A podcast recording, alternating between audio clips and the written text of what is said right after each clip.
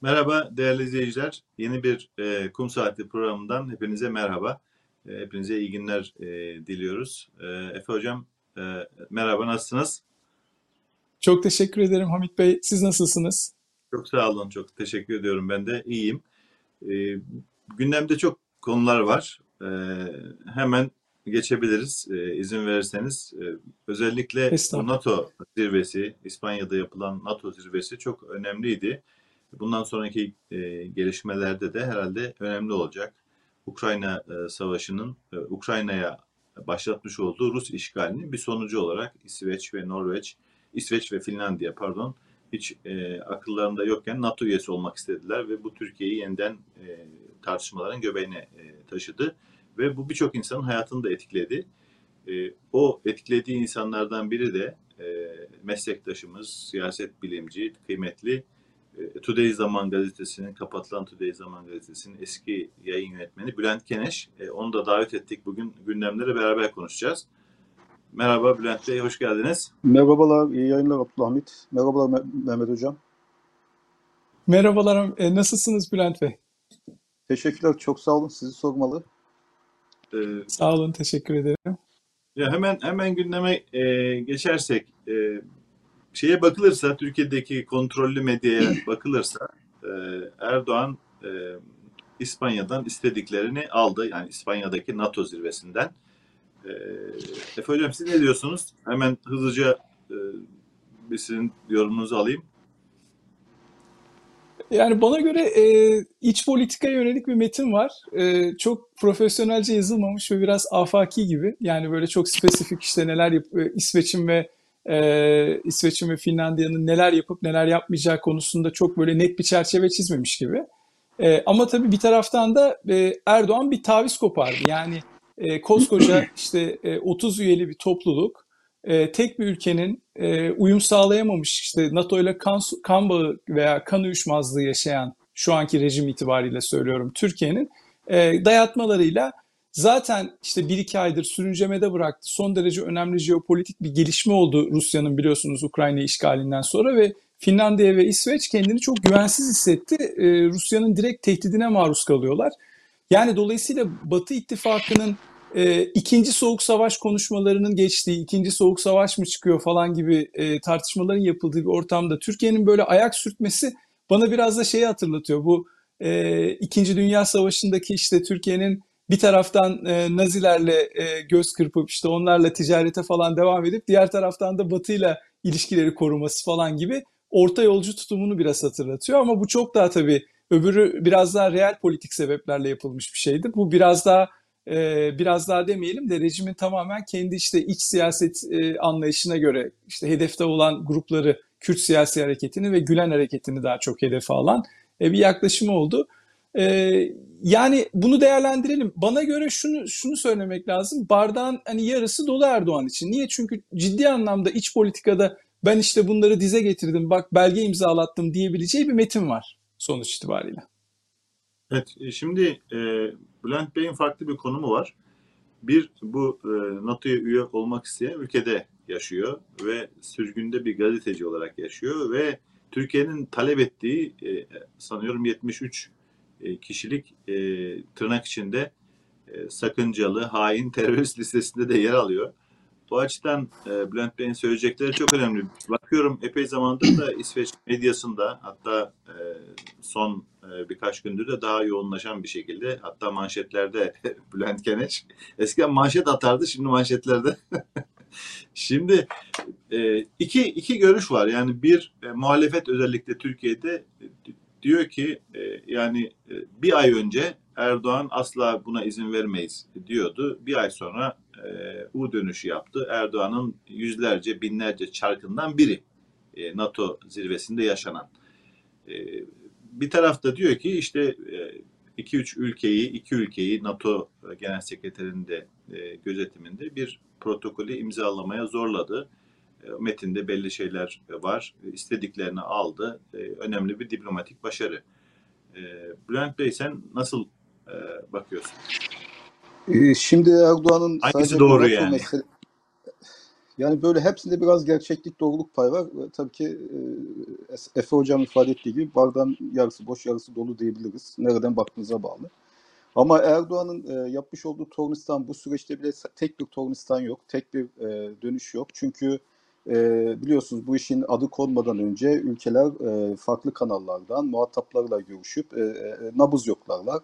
E, gerek e, Finlandiya e, Devlet Başkanı, gerek e, Finlandiya Dışişleri Bakanı, gerek İsveç Dışişleri Bakanı ve İsveç Başbakanı e, e, muadili olabilecek insanlarla görüştüklerinde evet evet biz e, sonuna kadar destekliyoruz e, Finlandiya'nın e, ve e, İsveç'in NATO'nun açık kapı politikası çerçevesinde ittifakı güçlendirecek şekilde üye olmasını destekliyoruz diyorlar ve bunu çok açık bir şekilde yeşil ışık olarak algılıyorlar ve o prosedürü başlatıyorlar. Ne zaman ki prosedür e, başvurusu yapılıyor Mayıs ortasında Erdoğan birden çıkıyor ama diyor.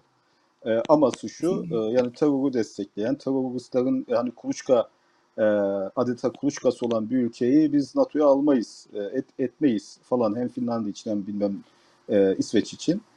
E, böyle bir Tornistan'ı var. Yani e, sadece bir değil birkaç Tornistan'ı var. Bir buçuk aylık e, belki bir, bir buçuk aylık süreç içerisinde. İkinci mevzu e, ben kağıtla realiteyi ayırıyorum. Kağıt çok kepaze bir kağıt bir yönüyle. Metin sanki üçlü bir komisyon tarafından değil de doğrudan Ankara'da hardcore bir Erdoğanist tarafından yazılmış bir metin gibi. İçinde birkaç kelimelik e, fren e, mekanizmaları ve da atıfları olmasa e, tamamen süzme bir Erdoğanist metin e, gibi e, algılayabileceğim bir metin. Ama metni siz de biliyorsunuz ki bu bir memorandum, underst- memorandum of understanding yani e, mutabakat zaptı bir anlaşma değil. Sadece bir siyasi beyan, e, siyasi e, ne diyelim vaat e, diyelim. E, e, Türkiye'deki siyasetle Batı Avrupa'daki siyaset aynı değil. Siyasetin yapabilecekleri var, yapamayacakları var. E, siyasi iktidar eline geçirmiş olan bir kişi, kişiler, kişiler grubu, parti e, astığım astık, kestiğim kestik, e, hukukun üzerindeyim, e, bir despotla anlaştım, despotun dediğini aynen buraya taşırım deme gücüne, cüretine, e, şansına sahip değil. E, bunu da o mutabakat saptığı imzalandıktan sonra ilgililer e, en yüksek perdeden dile getirdiler. E, dolayısıyla kağıtla fiili durumu ayırmak lazım. E, kağıdın e, imzalanıp e, NATO'da NATO tarafından e, İsveç ve Finlandiya'nın üyelik için davet edilme e, faslı aşıldıktan sonra asıl kartlar ortaya konmaya başlandı. E, tabii Türkiye'de beklendiği gibi o kağıttaki ifadeler üzerinden büyük bir zafer havası estirildi ki bence de estirilebilir. E, zaten onun için yapıldı. Muhtemelen ki verelim bu adama ne istiyorsa gitsin kullansın ama önümüzden engel olmaktan çıksın diye. Hmm. Bu hengamede o e, problem aşılmış oldu. E, ama fiiliyatta bu ne üretir? E, bitmiş bir süreç değil. Neticede e, a, e, 30 ülkenin e, parlamentolarından e, bunun e, onaylanması gerekiyor. E, burada Dagens Yeter güzel bir şey yapıyor. Avrupa, e, pardon İsveç ve Finlandiya'nın üyelik sürecinin 10 fasıldan oluştuğu, 10 stage'den oluştuğu, e, şu anki stage'inin 5. stage olduğu, 5. aşama olduğu. Daha önünde 5 aşaması var e, her iki ülkenin e, e, e, ne derler, e, diğer üyelerle muadil bir üye olmasını gerçekleştirmek için. E, bunun da en kritik noktası 30 ülkenin parlamentosunda e, ratifiye edilmesi e, bu e, NATO üyeliğinin. Erdoğan elinde böyle bir fırsat var. Ama o fırsatın karşılığında e, karşılarında ya da karşılığında ve da karşılarında kendileri gibi e, iki dudağın arasında her şeyi belirleyen despotlar, diktatörler, e, faşistler yok. E, İs, e, İsveç Başbakanı e, bir hanımefendi, e, efendime söyleyeyim e, Finlandiya Başbakanı bir hanımefendi. E, bunların yapabilecekler şeyler belirli. Özellikle bu e, sınır dışı etmeler mevzuunda e, hiçbir söz hakları yok. E, hiçbir nüfuz etme hakları yok. Hiçbir nüfuz e, e, etme enstrümanları yok. E, dolayısıyla, dolayısıyla içeriden gelen baskılarla birlikte e, adeta şunu ima ederek, yani bu belki kelimelere dökmediler ama ya Erdoğan'ı mutlu etmemiz gerekiyordu. Mutlu ettik. Biz şimdi işimize bakıyoruz. Bizimle ilgili bir mevzu değil. Yargının bir mevzu bu. E zaten e, özellikle Kürt mahallesinden istenmiş olan e, isimlerin çoğu e, vatandaş. E, bir kısmı zaten İsveç'te değil. Herhalde 4 ya da 5 tanesi E, arada bir İsveç'e uğramış ama başka e, Avrupa ülkelerinde yaşayan, orada oturum almış, orada vatandaşlık almış olan isimler. Böyle de bir kepaze durum var Türkiye devleti açısından. Yani ölmüş isimler var. E, daha önceden de vardı. Defalarca haber olduğu halde hala o listelerde geliyor maalesef. E, dolayısıyla e, İsveç hükümetinin dediği şey İsveç vatandaşlarını teslim etmemiz mümkün değil. İkincisi reel somut teröre bulaşmaya dair delil yoksa e, kimsenin endişelenmesine gerek yok. E bunu zaten biz kararlaştıramıyoruz. E, oldukça oturmuş, e, oldukça müesses İsveç yargısı e, kararlaştırıyor. E, dolayısıyla günün sonunda e, evet belki e, hakikaten teröre e, bulaşmış. Mesela burada e, bir isim var. E, e, Musa Anter cinayeti e, suikastiyle adı karışmış. E, ve benzeri bazı isimler e, için bir şeyler olabilir eğer vatandaş olmamışsa şu sürece. Ama diğer insanlarla ilgili endişelenecek e, bir durum e, yok diye e, açıklama yapma ihtiyaçları duydular. Burada çok e, takdir gören, çok e, efendim söyleyeyim e, referans verilen e, özellikle insan hakları konularında, hukuk devleti alanında bir e, emeritus profesör var. Yani 80-90 yaşlarında e, Ove Birin diye. E, onun dün İsveç Radyosu'na yapmış olduğu açıklama e, bu e, kağıt politik bir kağıttır. E, bir yani legal bir kağıt e, Türk yargısını, Türk e, e, ama pardon Türk diyorum e, ağız alışkanlığı. İsveç yargısı, İsveç. İsveç e, İsveç kuruluşlarını zerre kadar enteres etmez e, gibi bir yaklaşım içerisinde hareket ediliyor. E, dolayısıyla e, bu böyle olmakla birlikte elimizdeki veriler şunu gösteriyor ki Erdoğan bu kağıt üzerinden İsveç ve Finlandiya'yı elinden geldiğince zorlayacak. Önüne birkaç bir şey atılması için elinden geleni yapacak. Atılan bir şey olursa da onu bir zafer edasıyla seçim atmosferinde dibine kadar kullanacak. Bülent şey oldu mu? 2-3 aylık devam eden bir süreç. Yani adın listelerde geçiyor, gazetelerde haber oluyor vesaire. Böyle endişe ettiğin oldu mu? Bir diplomatik pazarlık olur, e, iade edilmen konusunda bir şey olur diye. Yoksa Ya yani burası ben, ben Avrupa bunun te- ben bunun teknik sorunlardan ziyade oluşturduğu sembolik e, sorunlara e, la daha çok ilgiliyim. E, bir kişi olarak ben İsveç'in ve Finlandiya'nın özellikle Rus tehdidi karşısında NATO'ya üyeliğinin e, iyi bir tercih olduğunu düşünüyorum. E, başıma bunlar geldi halde de bu görüşümü tekrarlıyorum. Yani İsveç'in ve Finlandiya'nın NATO e, korumasına ihtiyacı var. Özellikle Ukrayna e, ya yönelik saldırganlıktan sonra bu çok net ortaya çıkan bir şey. İsveç kamuoyu da zaten e, ağırlık itibariyle NATO karşıtıyken özellikle sosyal demokratlar e, Ukrayna e, hadisesinden sonra kamuoyunun e, şeyle değişti. Hükümetin de e, tavrı değişti. E, e, ama ilk gündeme geldiği andan itibaren evet bu Erdoğan'a bir fırsat verecek ve bizim isimlerimiz veyahut da benzeri isimler e, gündeme gelecek ki benim şahsen e, bireysel e, sürecim e, e, teknik olarak zaten e, Şubat ayı sonunda başlamıştı. İlk benimle temasa geçmişlerdi. Türkiye tarafından talep edildiğim ifade edilmişti. E, Mart başı gibi ifademi verdim. E, ona yönelik olarak da savcılık mütalası yazıldı. Savcılık mütalası yüksek mahkemeye iletildi. Biz e, burada yutrande diyorlar ya da işte testimony anlamında biz kendi statement'ımızı yaptık e, avukatımla birlikte. Şu an e, yüksek mahkemede kararını bekliyoruz ve e, zaten hani e, içeriğine belki girmek çok doğru mudur değil midir bilemiyorum ama çok da ilgilendirmiyor. Ben bir gazeteciyim. E, göstergeler çok herhangi bir endişeye mahal verecek şekilde değil. Ama burası 200 yıl boyunca Abdülhamit nötralitesini korumuş bir ülke. E, 200 yıl sonra bu kadar tarihi bir konjonktürde çok önemli bir değişime gidiyor yüksek siyaset anlamında. Yeni bir ittifak e, sistemine geçiyor. Bütün o geleneğini bozma pahasına bunu yapıyor. Böyle bir durumda bu kadar büyük bir e, paradigma değişikliğinin olduğu bir ortamda e, masada bir bargaining, bir e, ne derler pazarlık, e, at pazarlığı, çirkin bir pazarlığın mevzusu haline gelmek e, sevimli bir şey değil. E, bu benim tercih ettiğim, e, hoşlandığım, e, efendim söyleyeyim, e, Aa, iyi böyle oldu diyebileceğim e, bir şey değil. E, bizim hayatlarımız zaten zor. E, sizlerin olduğu gibi gittiğiniz yerlerde. E, bütün kariyeriniz, bütün çabalarınız, bütün her şeyiniz elinizden almış ol- olan insanlar olarak geldiğiniz yerlerde çok e, imtiyazsız, çok e, eksilerde hayata yeniden başlıyorsunuz. Elinizde, e, tırnağınızda bir şeyler e, yeniden oluşturmaya çalışıyorsunuz. E, bu ancak e, ilişkiler ve networklerle oluyor. E, şimdi bu ilişkiler ve networkler konusunda bir tahribat oluşturma potansiyeli maalesef e, taşıyor. Evet. Şey nasıl? Ee, Efe Hocam sizin de belki sorularınız vardır, e, yorum destekleriniz vardır, katkılarınız. Fakat şeyi merak ettim. Yani hem İsveç medyasının hem İsveç toplumunun yani özel olarak e, yani tek başına da değilsin aslında. Listede Levent Kenez var, e, Abdullah Bozkurt var, e, birçok e, başka e, gazeteciler var. Hiçbir suç olmadığı halde mağdur olmuş. Türkiye'den e, çıkmak zorunda kalmış insanlar var.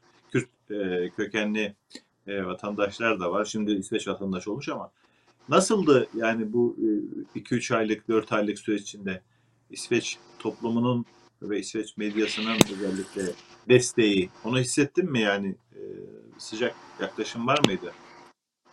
Yani şöyle bir şey söyleyebilirim. Ee, dünyada önceki sosyal medyada da paylaştım o görüşümü. Yani İsveç toplumu, medyası, entelijansiyası, akademiyası, sivil toplumu, belki bürokrasisi, her neyse aklınıza kim geliyorsa, e, sıradan vatandaşı Erdoğan'da zaten nefret ediyordu. Tipik bir despot olarak görüyordu. Bu olaylardan sonra iğreniyorlar artık. Yani bir tiksinti unsuru olarak görüyorlar. Ama tabii bunun siyasi arenadaki yansıması ister istemez diplomatik e, bir üslupla oluyor. E, bu topluluklar da bilemiyorum ne kadar e, e, belki vakıfsınızdır özellikle uluslararası kuruluşlarda e, bol miktarda Nordik kökenli diplomat e, veyahut da e, bürokrat e, görmeye e, alışıksınızdır mutlaka.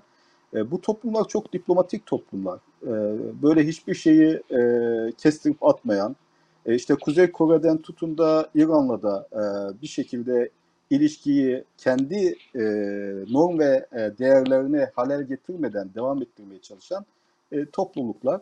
E, dolayısıyla Erdoğan'ı da diplomatik düzlemde böyle o toplum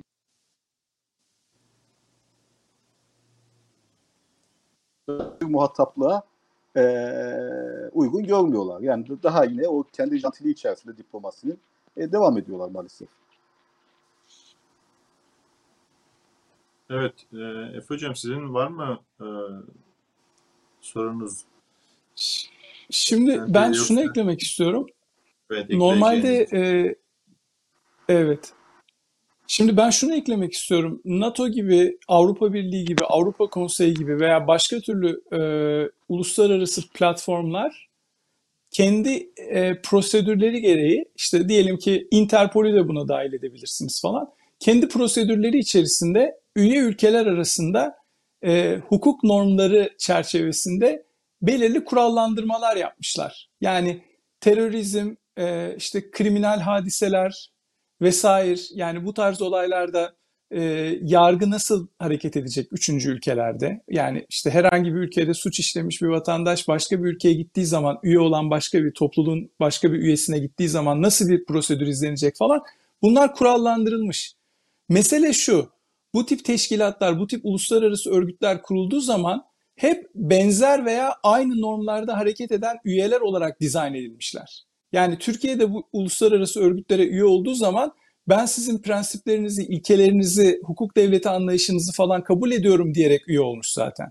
Şimdi mesele şu, e, Türkiye gibi veya Rusya gibi veya Belarus gibi ül- ülkeler bu tip platformları kendi menfaatleri için kullanıyorlar ve istismar ediyorlar aslında. Yani en büyük sıkıntı bu. Bence sanıyorum e, Bülent Bey'in ve diğer o hedefteki insanların içinde bulundukları açmaz da bununla alakalı bir şey.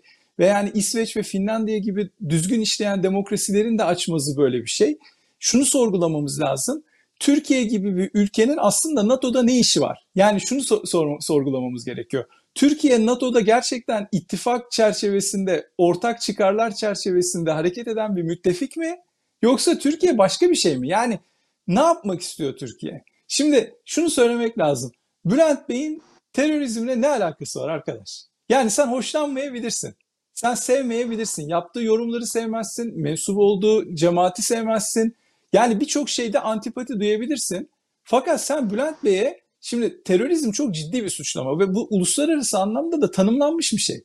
Yani bir insan eline silah almadan, eline işte e, çakı almadan, hiçbir bir şey yapmadan bir insanı durup dururken üçüncü bir ülkeden isteyemezsin. Şimdi bizim bizim gibi olan insanların içinde bulunduğu durumun Batı tarafından ben çok iyi anlaşıldığını yani işte bizim üniversitedeki insanlar benim ne olduğumu biliyorlar, ne olmadığımı biliyorlar. İşte Bülent Bey'in e, network'ünde olan İsveç'teki insanlar onun kim olduğunu, ne olduğunu, ne olmadığını gayet iyi biliyorlar. Mesele şu, Erdoğan gibi ve Erdoğan rejimi gibi olgularla karşılaştıkları zaman nasıl bir refleks verecekler? Yani 21. yüzyılda zannediyorum biraz bunun üzerinde durulması lazım. Batı demokrasileri kendi inşa ettikleri uluslararası örgütler veya network içerisinde Türkiye gibi yoldan çıkan veya raydan çıkan üyeleri nasıl adam edecek? Nasıl tekrar yola sokacak? Biraz hani e, dolandırdım lafı ve biraz farklı bir noktaya getirdim ama hani bu şeyle bitmiyor. İsveç üye Estağfurullah. Buyurun. buyurun evet hocam. buyurun. E, Yani, şunu demek istiyorum. e, Yani Efe- is, is estağfurullah. Buyurun. e, de- devam edin lütfen. Evet ses ses bu arada İsveç- ses biraz e, geç gidiyor da onun Evet, için kusura bakmayın. herhalde, ben de e, o, onu destek fark kesiliyor. ediyorum. e, Efe hocam buyurun Yani dinliyoruz. İsveç İsveç üye oldu, Finlandiya üye oldu. Bu iş bitti artık diye bakmamak lazım. Bence uzun e, erimli olarak yani Erdoğan Türkiye'si, Erdoğan rejimi, bu İslamofaşist rejim e, kendi dahil olduğu Batı İttifakı ile alakalı kurumları içeriden çürüten bir kanser gibi. Yani bunu e, söyleyerek nokta koyayım. Hocam çok iyi bir noktaya getirdiniz. Ben de tam buradan bir şey söyleyeyim. Hakikaten bütün bu süreci izlerken e, böyle e, artık e, inandığım bir görüş bu. Yani Batı kurumları, demokratik kurumlar e, maalesef biraz bunu hak ettiler. Yani e, biraz da aslında yani meslektaşlarım olmasa topun ucunda yani hiçbir e, suçu olmayan e, böyle e, tertemiz insanlar olmasa bundan etkilenen diyeceğim ki iyi ki Erdoğan size çektiriyor bunları. Neden? Ya kardeşim siz NATO üyeleri olarak, demokratik dünya olarak nasıl Erdoğan'a kendi şartlarınızı dikte etmiyorsunuz da kırmızı halılarla karşılıyorsunuz da onu yıllardır, 6-7 yıldır. Gazete kapatan adamı Brüksel'de, Washington'da şeyle kırmızı halılarla karşıladılar. Hiçbir şey yokmuş gibi. Ufak tefek kınama ifadeleri falan filan. E Şimdi bak o e, şey büyüdü, bela. Önce Türkiye'deki demokrasiyi yuttu, hukuku yuttu, akademisyenleri yuttu, ne bileyim gazetecileri hapse tıktı, kimini sürgüne gönderdi bizler gibi. E şimdi size şart e, dikte ediyor. Yani bunu biraz hak ettiler diye düşünüyorum ben. Efendim katılıyorum size yani. Ya bu ne kadar savrukluktur, bu ne kadar dağınıklıktır. Hatta dün e, bir e, Washington'da bir toplantıya katılmıştım. Ufakta bir konuşma yaptım. Din özgürlüğü konusunda duyarlı e, kesimlerin bir araya geldiği tüm dünyadan insanlar vardı. Tam benim konuşmamın sırası yani tam konuşmak için beklerken böyle podyumun arkasında ilginç bir şey oldu. Onu da paylaşayım buradan.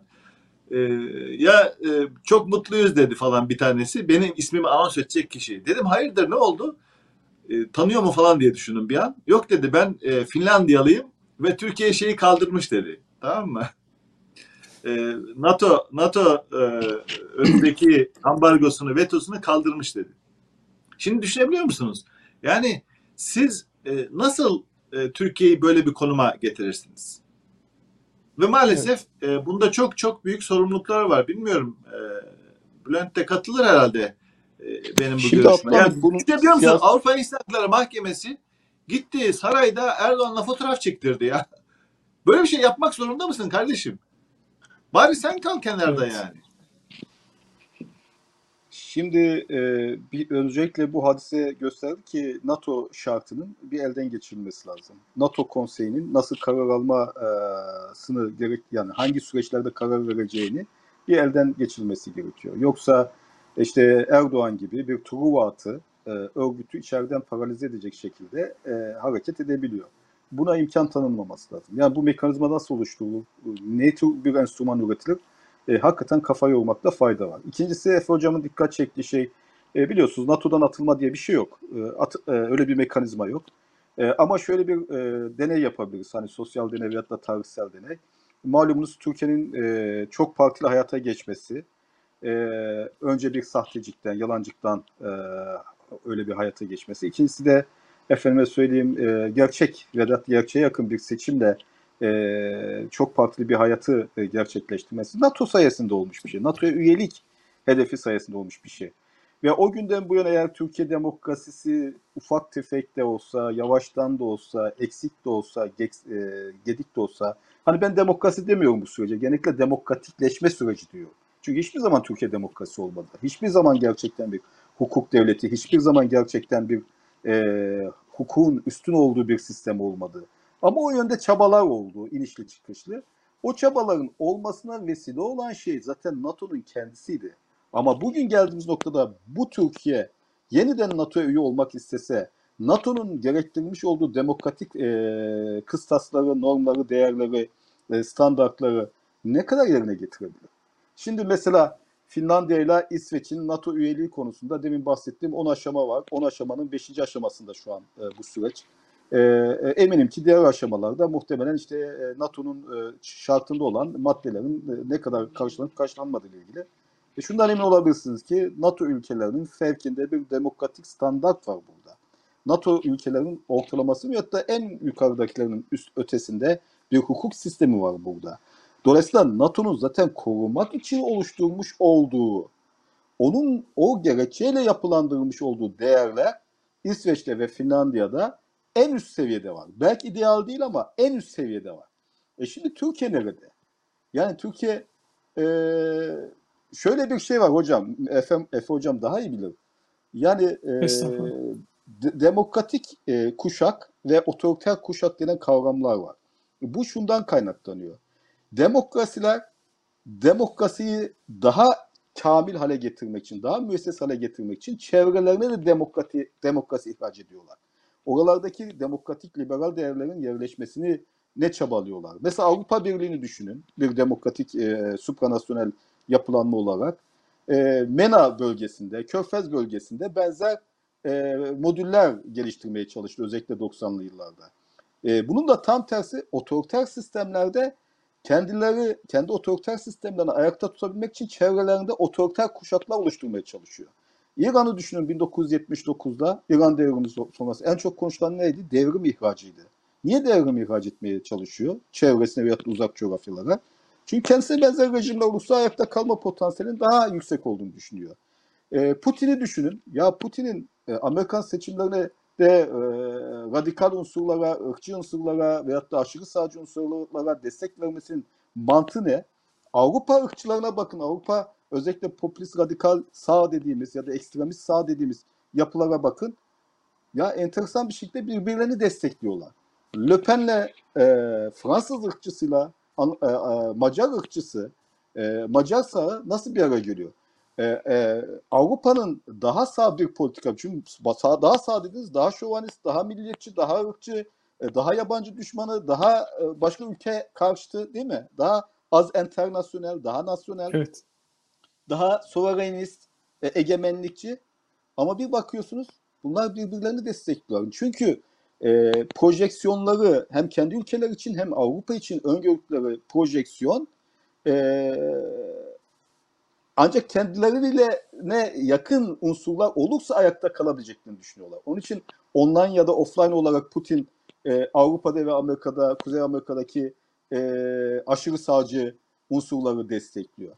Dolayısıyla Erdoğan'ın normalde İsveç gibi bir ülke tarafından demokrasiye çekilmesi gerekiyorken, senin demin bahsettiğin şekilde NATO'nun sopayla veyahut da başka araçlarla Erdoğan'ı döve döve e, Ya. yedi haltları burnundan getirmesi gerekiyorken tam tersi oluyor şu an.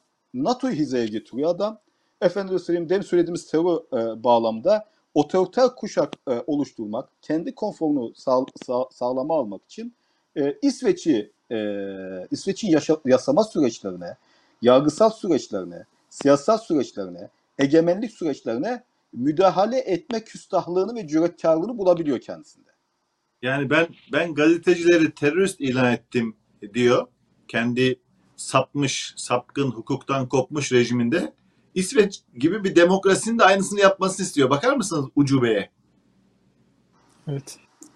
Hocam Şimdi ben somut olarak enteresan bir noktaya ben enteresan bir noktaya e, Buyurun. dikkat çekmek istiyorum. Şimdi hatır, hatırlayacaksınız e, Türkiye'de işte 1960 e, darbesinden sonra veya işte e, 71 muhtırasından sonra 80 darbesinden sonra falan çok klişeleşmiş, klasikleşmiş ve karikü- karikatürize edilmiş hatta bir bir şey vardır. Ne yapar o darbeyi yapan e, küçük grup? İlk açıklamada NATO'ya ve SENTO'ya NATO'ya bağlıyız bağlıyız. açıklaması yapar. NATO'ya bağlıyız. Şimdi bakın enteresan bir şey var. Türkiye'de biz şunun ayırdına varmak zorundayız. Ee, Türkiye demokratikleşme süreci içerisindeyken yani 2004 ile 2011-2012 arası dönem içerisinde Türkiye demokratikleşirken askeri vesayet sistemini ortadan kaldırma gerekliliği ortaya çıktı ve bunu kademe kademe işte Milli Güvenlik Kurulu'nu e, sivilleştirerek vesaire enstrümanlarla gerçekleştirdi. Hepimiz buna destek olduk. Yani işte liberaller, Avrupa Birliği yanlıları falan çok destek oldular bu sürece.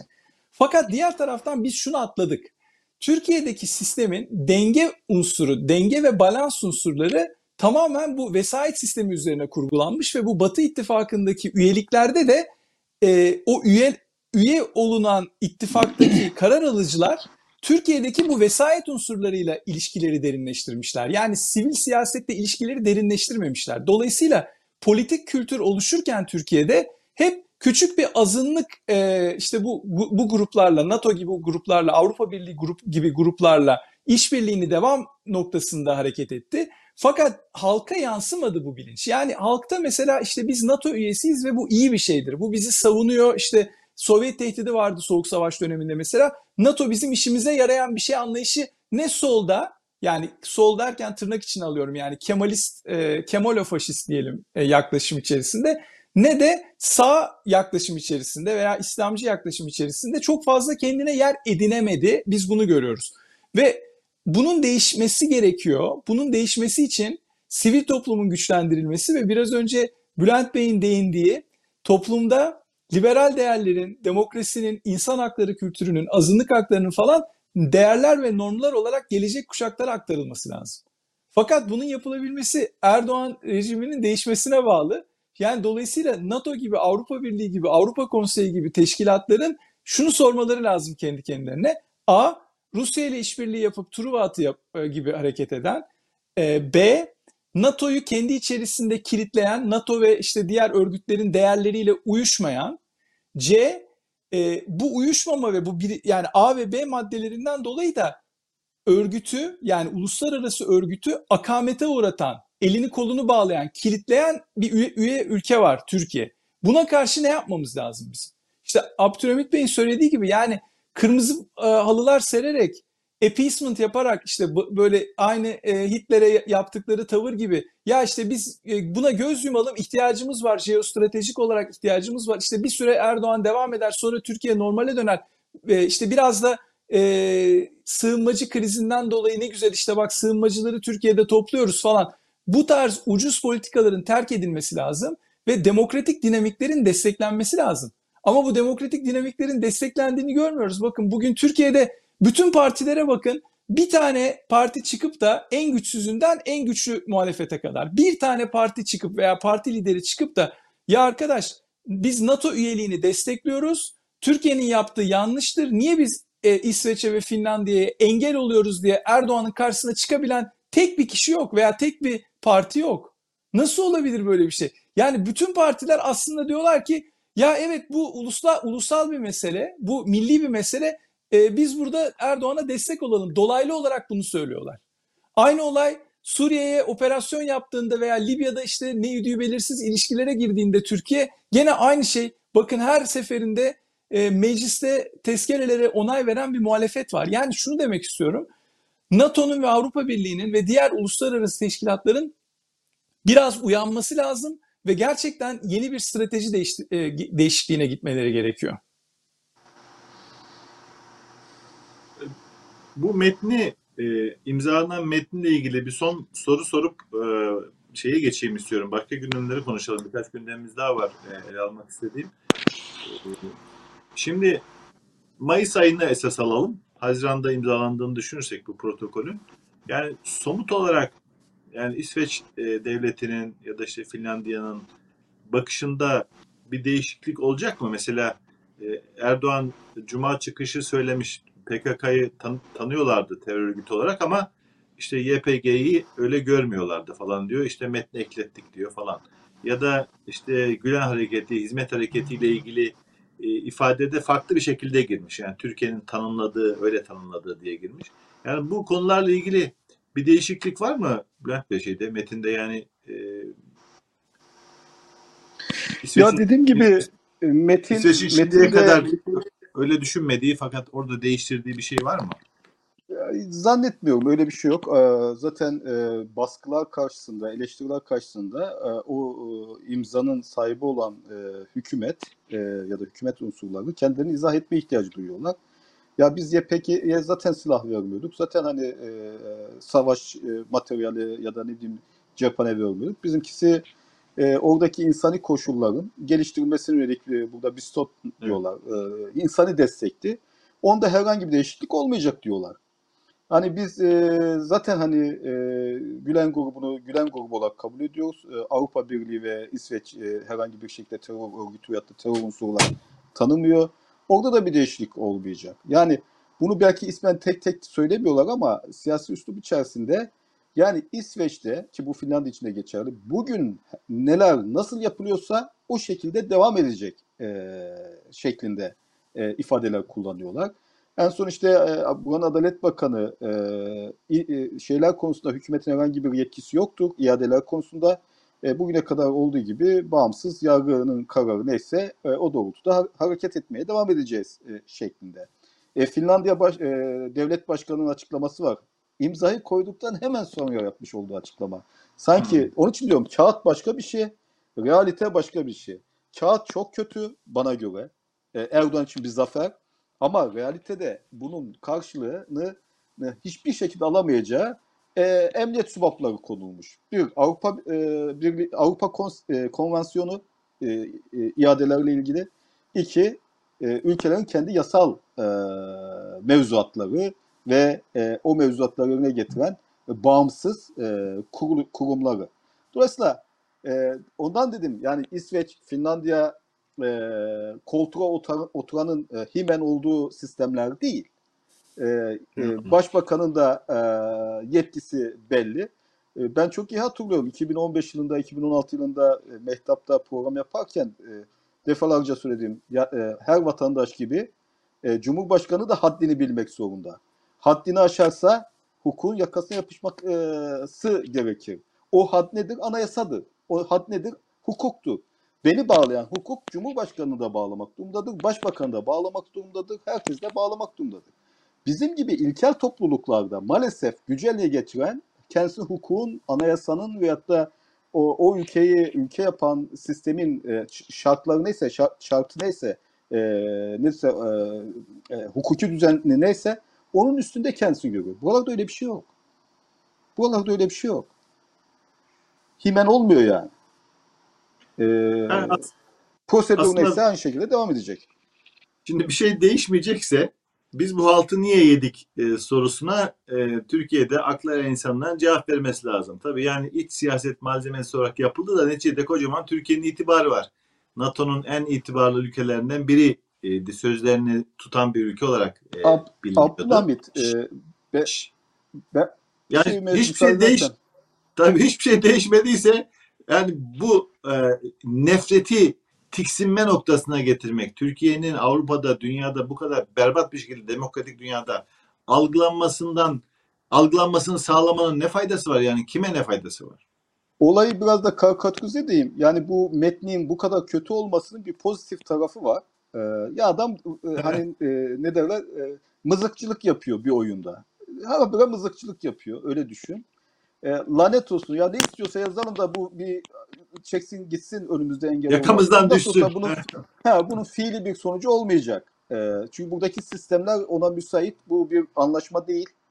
Bu bir hukuki bir metin değil. Bu zaten sadece siyaseten bir niyet beyanı. O niyet beyanının e, İsveç gibi, Finlandiya gibi topluluklarda yasal bir karşılık bulmasının imkanı yok. Mümkün değil. Bu- Burada o, o öyle bir şeye girişecek olan e, ne kadar güçlü olursa olsun onlarca hükümeti götürebilecek bir saçmalık haline dönüşebilir bu. O konuda girişimde bulunacak olanlara yönelik. Tabii bu şeyin e, bu rezaletin tüy diken tarafı da Türkiye'deki hala gazetecilik yapan, gazeteler çıkaran e, meslektaşlarımızın düne kadar e, gazetecilik yapan başka meslektaşlarını, bunu Abdullah Bozkurt olabilir, Levent Keniz olabilir, Bülent Keleş olabilir, çarşaf çarşaf e, gazetelerinde terörist diye yayınlamaları. Yani e, 2022'de bunları yapıyor olmaları hakikaten tüy diken bir başka rezalet diye e, not edip e, geçelim. Ben de bir kere onların e, bütün havuz medyasında terörist diye manşet oldum. E, Uber yaparken yakalamışlardı bizi çok büyük bir haber olarak. E, Uber FETÖ diye. E, baktım bu sefer e, nöbet sana geçmiş. E, ben onun için de geçmiş olsun diyorum. Sağ olun. Sağ olun. Te- Tecrübeli. Şimdi e, Hamit, Hamit Bey çok küçük bir ekleme yapabilir miyim müsaade ederseniz? ki. Sadece bir ki, 20-30 tabii. saniyelik. Şimdi e, bir de Türkiye'deki şu havayı çok doğru tespit etmek lazım. Bu kararlar alınırken bunlar sadece Erdoğan tarafından alınan kararlar değil. Türkiye'de 15 Temmuz 2016'dan sonra ciddi bir koalisyon var karşı, karşımızda duran. Bu koalisyonun bir görünen kısmı var. İşte AKP, MHP arasında kurulmuş olan bir dinamik. Bir de görünmeyen kısmı var. Yani ulusalcıların, Avrasyacıların işte bir sürü böyle derin devlet unsurlarının falan destek oldu. Şimdi şuna bakın. Ee, her geçen gün, iki günde bir, üç günde bir Türkiye'deki ulusal televizyon kanallarında yani gerek havuz medyasında gerek Halk TV'de gerekse diğer işte bir takım kendini muhalif olan gören, e, muhalif olarak değerlendiren yazılı ve sözlü veya görüntülü medyada sürekli bir takım tipler çıkıyorlar ve diyorlar ki ya bir aslında e, işte tırnak içinde söylüyorum FETÖ zaten süper NATO'nun bir e, kurduğu örgüttür. Yani daha iki gün önce bakın bugün Twitter'da böyle bir e, konuşma var. Adamın bir tanesi çıkmış böyle bir şey söylüyor ve gayet e, ulusal yani bütün Türkiye'ye yayın yapan bir kanal. E, başka kanallarda çıkıyorlar diyorlar ki e, 15 Temmuz'dan sonra işte içeriye attığımız e, subaylar yani kurmay subaylar ve özellikle generaller ve amiraller bunlar NATO'culardı. Yani NATO'cuları biz elimine ettik işte Perinçek ve grubu. Yani Türkiye'de inanılmaz bir NATO alerjisi var. Bu bakın Kemalistler arasında var, ulusalcılar da var, Avrasyacılar da var, İslamcılar da var, e, ülkücüler de var. Yani nereden geliyor bu? Yani inanılmaz bir Batı karşıtlığı, inanılmaz bir NATO karşıtlığı, ABD ve AB düşmanlığı. Yani sadece ülkeler ve politikacılar bazında değil, değerler bazında da böyle bir şey var. Ve bakın bu çok dikkat çekici bir şey. Ee, dolayısıyla ben bunun sadece Erdoğan ve Erdoğan'ın İslamofaşizmiyle alakalı olmadığını, bunun arka planında Kemalofaşizmin yani özellikle bu 28 Şubat'tan sonra e, Avrasyacılaşan ve Batı değerlerini reddeden. Neden? Çünkü işte anladılar ki Kürt hareketine e, işte otonomi gelecek, anayasal statü gelecek vesaire. E, bundan dolayı 28 Şubatçılar hatırlayacaksınız şunu söylüyorlardı. Ya batılı batı değerleri tamam da Avrupa Birliği, NATO vesaire bunlar resmen işte azınlık hakları falan diyorlar arkadaş deyip böyle bir tepki içerisine girmişlerdi. Bakın bunun devamı bugün. Yani bu hiçbir şey tesadüf değil ve Türkiye'de e, toprağa böyle bu tohumları ektiler 28 Şubat ve onun atmosferinde. Bugün o Avrasyacı kanadın güçlenmesi böyle bir şey. Ve bakın Türk Silahlı Kuvvetleri'nden her e, yani Türk Silahlı Kuvvetleri'ndeki amiral ve general kadrosunun %50'sini tasfiye etti bu sistem. Bu çok korkunç bir şey. Bu NATO'nun diyorlar ya NATO'nun en büyük ikinci ordusu yani nicelik açısından, sayısal açıdan. Ya böyle bir orduda bu kadar tasfiye olması yani ben bunu başka programlarda da söyledim. Yeniçeri Ocağı'nın kaldırılması kadar tarihi anlamda önemi olan bir şey bu. Yani bu hadise bugün NATO'ya gönderdikleri subayların çok büyük bir çoğunluğu NATO ittifakının Türkiye için iyi bir şey olduğuna inanmayan insanlardan oluşuyor. Yani, Yani e, iyileri o tas- iyileri hariçte tutarak söylüyorum. Evet yani o tasfiyelerin yüzde bir bile oyu olmayan Perinçek ve grubunun hazırladığı listeler üzerinden yapıldığını da e, not düşelim e, izleyicilerimize. E, ve e, Rusya e, Ukrayna'ya saldırdığında, şehirlerini bombaladığında Türkiye'de e, Türk Silahlı Kuvvetleri'nde görev yapmış şu anda meşru insanlar sayılan birçok e, kişinin çıkıp e, bu işgalden yani Rusya'nın alt çizerek söylüyorum Rusya'nın Ukrayna'yı işgal etmesinden e, Rusya'ya değil de NATO'ya, Amerika'ya falan tepki gösterdiklerini, böyle bir e, böyle bir entelektüel zemin de olduğunu, o da TV'dir, Tele1'dir falan oralarda e, bunları gördük. E, yani not edilmesi gereken bir şey. Azınlık fakat böyle e, Avrasyacı, çarpık e, bir e, anlayışa sahipler. E, bu Abdullah 15 Bey, Temmuz müsaaden demiş. olursa Tabii ki. Tabii buyur, buyur Bülent Bey. devam et istersen ama bir, bir şey eklemek istiyorum ben. Ee, Tabii, şimdi tabii, buyur. başlangıç dedim ki hani kağıtla realite e, farklı. Kağıt e, berbat bir kağıt. Erdoğan'ın e, sonuna kadar kullanacağı bir kağıt ama realite bambaşka bir şey. Ortada bir zafer mi var, hezimet mi var? Yani şu şey e, müzakeresini düşünün Biden'la F-16 müzakeresini. Türkiye 10 yıl önce neredeydi? Bugün neyin müzakeresini yapıyor? Yani, Yani F-35'in ortağı, Türkiye'de yedek parçaların üretileceği belirli, aksamların üretileceği bir ortakken sadece para harcayarak alacağı bir e, hava savunma e, sistemi değil de tam tersine satılmak üzere başka yerlere de e, oluşturulan üretim mekanizmasının parçası bir ülkeyken şimdi F-16 için yalvaran hangi F-16? 80'li yıllarda Özal'ın Türkiye'ye getirdiği F-16. Yani bu kafayla giderlerse, bu manyak kafayla giderlerse e, yarın F- F-4'lerin aksamları için de yalvaran bir Erdoğan göreceğiz. F-4'ler o tabut e, dediğimiz uçakların e, mühimmatı için, e, teçhizatlar için yalvaran bir Erdoğan göreceğiz. Bunun kazancı nerede? Kazanımı nerede? Zafer nerede? Aklı olan biraz düş- düşünmesi lazım yani. Bilemiyorum. evet. e, Evet. Kaybettikçe e, kazandıklarını iddia eden, zafer ilan eden bir grup. E, yani e, hakikaten anlaşılması kolay değil. Sadece yapanlar değil. Yani arkasından gidenler, o toplumdaki bunları görmeyenler açısından da hakikaten üzerine düşürmesi gereken bir mevzu. Şimdi e, Efe Hoca şeyi getirdi, e, sözü 15 Temmuz'a getirdi. 15 Temmuz tasfiyelerinin bunda önemli bir payı var. Bugünkü bütün dış politika ya iç politika e, olaylarında. Fuat Uğur e, önemli bir e, yani başka bir konuya e, geçiyoruz. Fuat Uğur 15 Temmuz'u 3 ay öncesinden haber vermiş e, bir gazeteci e, tırnak içinde. E, eskiden makul birisi olarak bildiğim, belki sizlerin de tanıdığı kişisel olarak tanıdığı biri fakat daha sonra Cem Küçük'le beraber program yapan, işte Türkiye Gazetesi'nde yazan, e, bir saçmalıklara imza atan isimlerden biri oldu. E, o e, bu son yazısında birçok insan dikkatini çekmiş. 15 Temmuz'u önceden bilmesi yönüyle de e, bilindiği için e, dikkat çekici. Yani seçim atmosferindeyiz. Sizin yorumlarınızı merak ediyorum. Yani bu yazısında diyor ki e, 15 Temmuz aslında işte bir sürü insan e, paçayı sıyırdı, fareler kaçtı falan. E, Şimdi e, bunlara izin verilmeyecek E, ve şeyden bahsediyor. Sürprizler, sürpriz hediyelerle dolu kapanlardan bahsediyor. Milletin elini boş durmayacağını, devletin ne yapmak istediğini bildiğini falan filan söylüyor. Yani ne oluyor? Bir şeyler hazırlanıyor da onlardan haber mi veriyor? Efe Hocam siz görmüşsünüzdür mutlaka bu tuhaf yazıyı.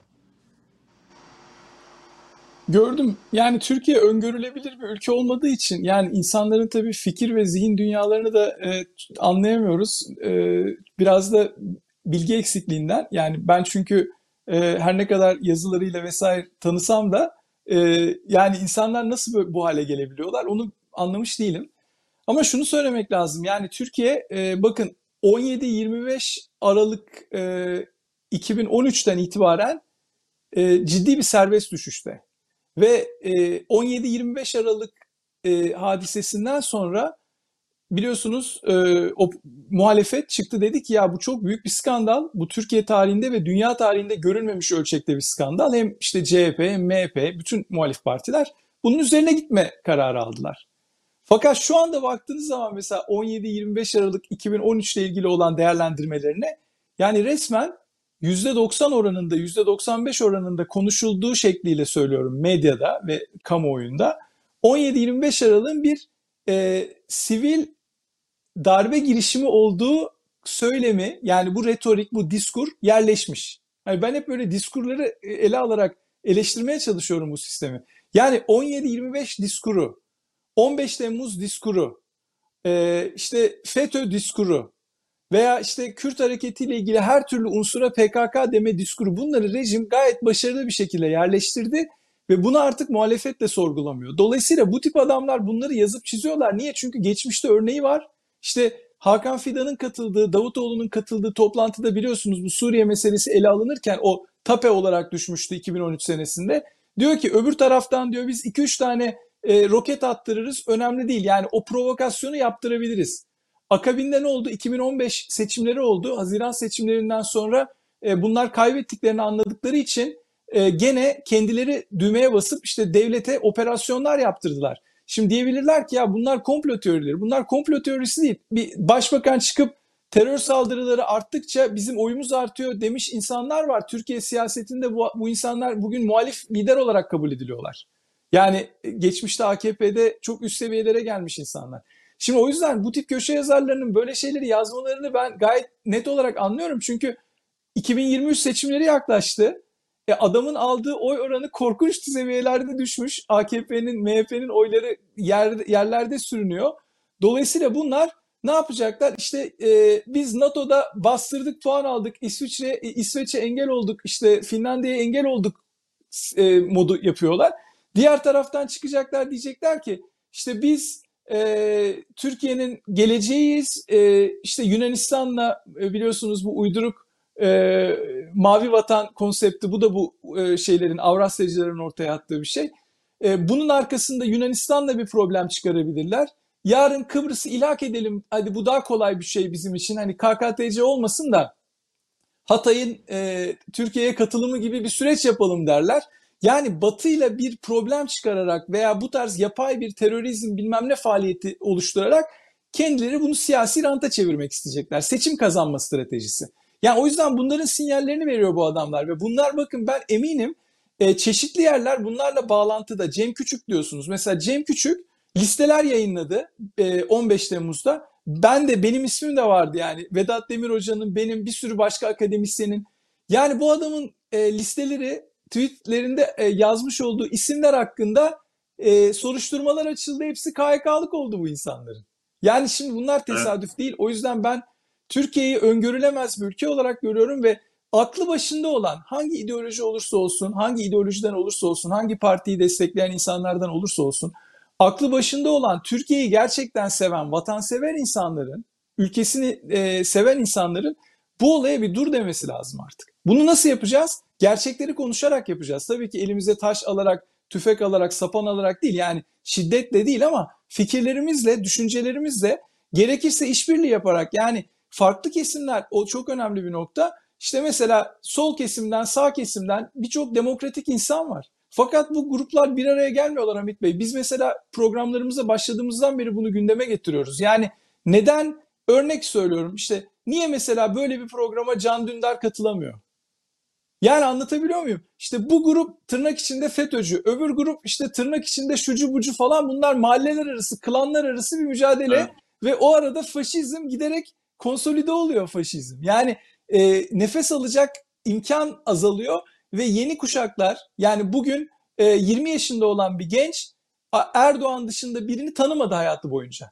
Yani ne Ecevit'i ne Demirel'i ne Özal'ı ne ondan öncesini yani sadece Erdoğan'ı bilen ciddi rakamlarda e, seçmen kitlesi oluştu. Ben bunu çok tehlikeli olarak görüyorum. Uyanma vakti geldi diyorum yani. Evet, e, evet. E, Bülent sen nasıl görüyorsun bu Fuat Uğur'un e, uyarısını mı diyelim, tehdidini mi diyelim? Yani şurası kesin. E, Erdoğan bu tür e, oyunları oynamayı e, öğrendi. Yani o 2015'te terör patladı, hortladı mesela. İşine yaradı. Kasım'da seçim aldı. E, 15 Temmuz ile e, başkanlık sistemini Türkiye'ye getirdi. Öncesinde AKP'lilerin bile ikna olmadığı bir sisteme toplumu e, ikna etmiş oldu. E, şu anda da ekonomi kötü, oyları düşüyor. İşte son anketlerde kime karşı yarışırsa yarar, yarışsın Cumhurbaşkanlığı seçimini kaybediyor e, görünüyor. En son Metropol'ün anketinden bahsediyorum. Yani bu çerçevede e, bu e, sürpriz hediyelerle dolu kapanlar e, uyarısı nasıl okudun? Hakikaten böyle bir şeyler bekliyor musun? Yani 15 Temmuz türü ya da ne bileyim başka haince e, şeyler. Bir de kimi tasfiye edecekler? Daha tasfiye edecek kim kaldı? Bunlar kimi hedefliyorlar? Ortaklarını edeceklerdir muhtemelen. Yani işte bir koalisyon. Koalisyon e, çok e, ideolojik olarak aynı dünya görüşüne, aynı e, Türkiye geleceğine veyahut bir Türkiye fotoğrafına sahip değil ki. Herkes farklı e, bir Türkiye hedefliyor. Doğu Perinçek'in Türkiye idealiyle e, Erdoğan'ın Türkiye idealinin aynı, nihai olarak aynı olduğunu kim savunabilir? Ya da Bahçeli'nin Türkiye idealiyle. Bunlar birbirlerine muhtaç kalmış şer odakları. Dolayısıyla her birinin farklı farklı ajandaları var ama mecburen bir araya gelerek varlıklarını sürdürebilen odaklar. E, dolayısıyla e, böyle bir kapışma varsa kendi aralarında olabilecek bir kapışmadır. CHP'nin e, bir varlığı mı var? Başkalarının bir varlığı mı var? E, mevzu değil de ben yazının kendisiyle ilgili e, hani metinsel olarak yine e, biraz bakmak istiyorum. Yani yazının başıyla affedersiniz sonu başka şeylerden bahsediyor. E, yazının girişinde diyor ki ya ne zaman ekonomik durum iyi olsa böyle müdahaleler oluyor falan ama şu anki konjonktür öyle bir konjonktür değil ki. Yani şöyle bir şey ben bu şöyle bir şey düşünüyorum. E, bu adamlar kulağına birileri bir kar suyu kaçırıyor. O kar suyunu kendi kafalarında bile bir yere oturtamıyorlar. E, bir denklem oluşturduklarında saçma sapan yazılar yazıyorlar. Muhtemeldir ki evet dinamik bazı unsurlar buna böyle bir şey fısıldamış. Ama bu beceriksiz bir yazı, kalitesiz bir yazı, analiz içermeyen, bir perspektif vermeyen bir yazı. E, ama bir şeyin işareti olan bir yazı. Bu işaret ne? Şu, yani Efe Hocam öngörülemez e, dedi Türkiye için. Ben artık öngörülebilir olduğunu düşünüyorum Türkiye'nin. E, eskiden gerçek bir hukuk devletine doğru yol aldığında, gerçek bir hukuk devletinde prosedürel e, süreçler takip edildiğinde ülkeler hem ekonomik anlamda hem siyaset anlamda hem e, jeopolitik, jeostratejik e, e, yönelimler açısından öngörülebilirdi. E, 2010'lu yıllardan itibaren, belki 2011 daha e, net ifade edebilirim, e, Türkiye'nin öngörülebilirlik e, gradosu oldukça düştü bu bağlamda. E, ne zamana kadar? Erdoğan'ın tek parti, e, tek lider, tek adam despotizmini kuruncaya kadar. Bu despotizm e, e, e, e, mümkün olduğunca konsolide ettikten sonra bence yeniden Türkiye öngörülebilir bir e, ülke haline geldi. Ama bu pozitif anlamda bir öngörüle, öngörülebilirlik değil. öngörülebilir bir diktatörlük. tabii tabii. Benim öngörüm şu, Erdoğan'ın Türkiye'de iktidarı bırakma lüksünün olmadığı. O lüksü e, olmadığı için de ne yapıp edip, ne pahasına olursa olsun, e, kimle ne tür belalara yol açarsa olsun, kimlerin canı yanarsa yansın, bir şekilde iktidara yapışıp kalmayı hedefliyor. Bu bir öngörü. Bu bir öngörülebilirlik durumu. Kabul edin ki. Hoşunuza gitmeyen bir öngörü ama e, Fuat Uğur'un yazısı bu büyük e, öngörünün içinde e, bence bir kıymık, bir küçük bir mevzu gibi. O, o olabilir. Efe Hoca'nın senin bahsettiğin Yunanistan'la kapışma, Kıbrıs üzerinden bir harale güvele çıkarma, e, Suriye üzerinden bir vaktaya yol açma, efendim söyleyeyim iç kaotik e, e, durumlar oluşturma, e, işte belki ona da geleceğiz. E, içerideki baskıcı e, süreçleri e, bir vites daha yükseltme, işte sosyal medya yasası geliyor. E, Welle ile efendime söyleyeyim e, Voice of America susturuluyor falan. E, bunlar katlanarak, büyüyerek e, devam e, edebilir ve e, çok daha büyüğüne ihtiyacı varsa çok daha büyüğünü e, yapabilirler. E, ister uluslararası nitelikte isterse e, ulusal ölçekte. E, bu bir öngörüdür. Dolayısıyla Türkiye artık öngörülemez bir ülke değil. E, negatif e, manada da olsa maalesef e, bence öngörülebilir bir ülke artık. Yani e, seçimi oylarının düşmesi, ekonomiyi bir, bir türlü tedavi edememesi e, ve iktidardan gitmeme e, ihtimalinin çok yüksek olmasını yan yana koyduğunuz zaman Fuat Uğur'un ipuçlarını verdiği ya da başkalarının söylediği karanlık bir şeylerin çevrilme ihtimali öngörülebilir bir durum oluyor. Yani değil mi? Ben e, evet, onu anlıyorum. E, Efe Hocam bu e, şimdi Erdoğan şöyle bir düşüncede olabilir mi? E, yani bir siyaset bilimci olarak e, ya Türkiye'de her şey elinde. Yani e, yargı elinde, medya elinde, şu elinde, bu elinde fakat anketler yapılıyor. Hepsinde e, kaybediyor görünüyor adam.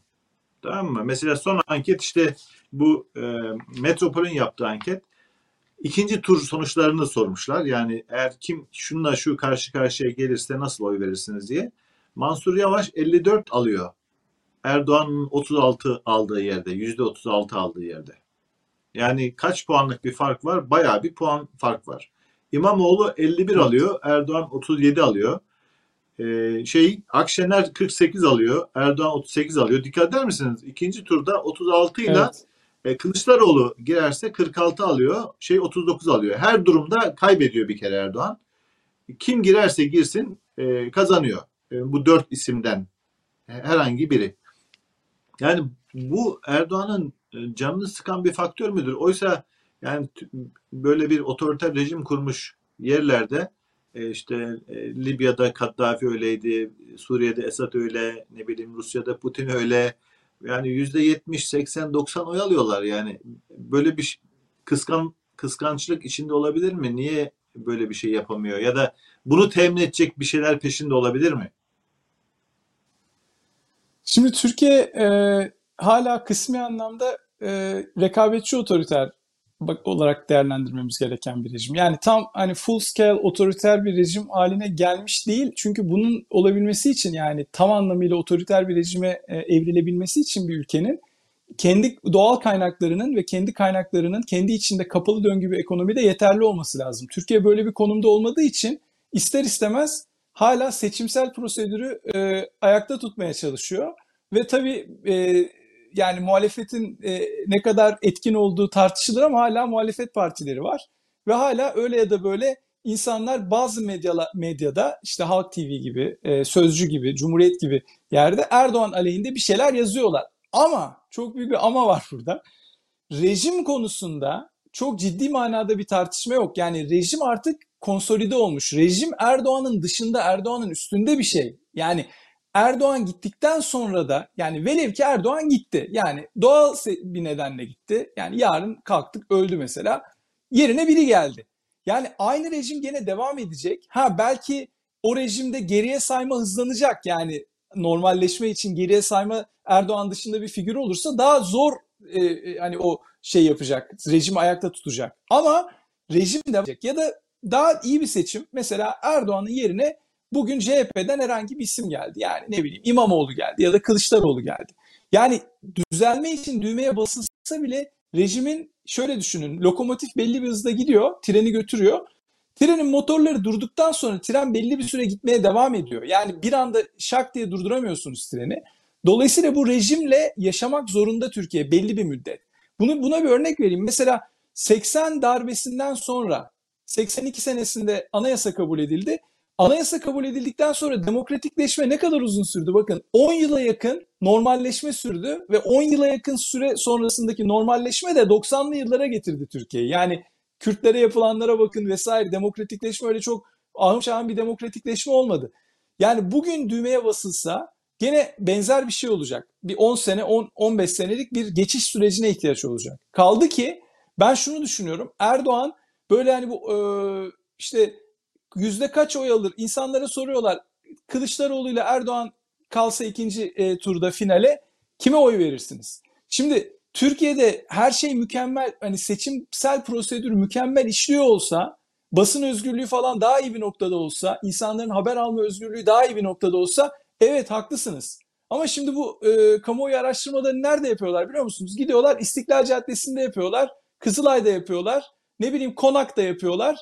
E, ama gidip de bunu böyle Türkiye sattığında kırsal kesimi vesaire dahil ederek bu kadar hani çok net bir sosyal araştırma yapılamıyor ve e, katılan deneklerin sayısı da o kadar yüksek değil. Birinci böyle bir temsiliyet problemi var. Yani bilimsellik açısından söylüyorum. İkinci nokta şu. Erdoğan işte bir, bir önceki turda konuştuk ya.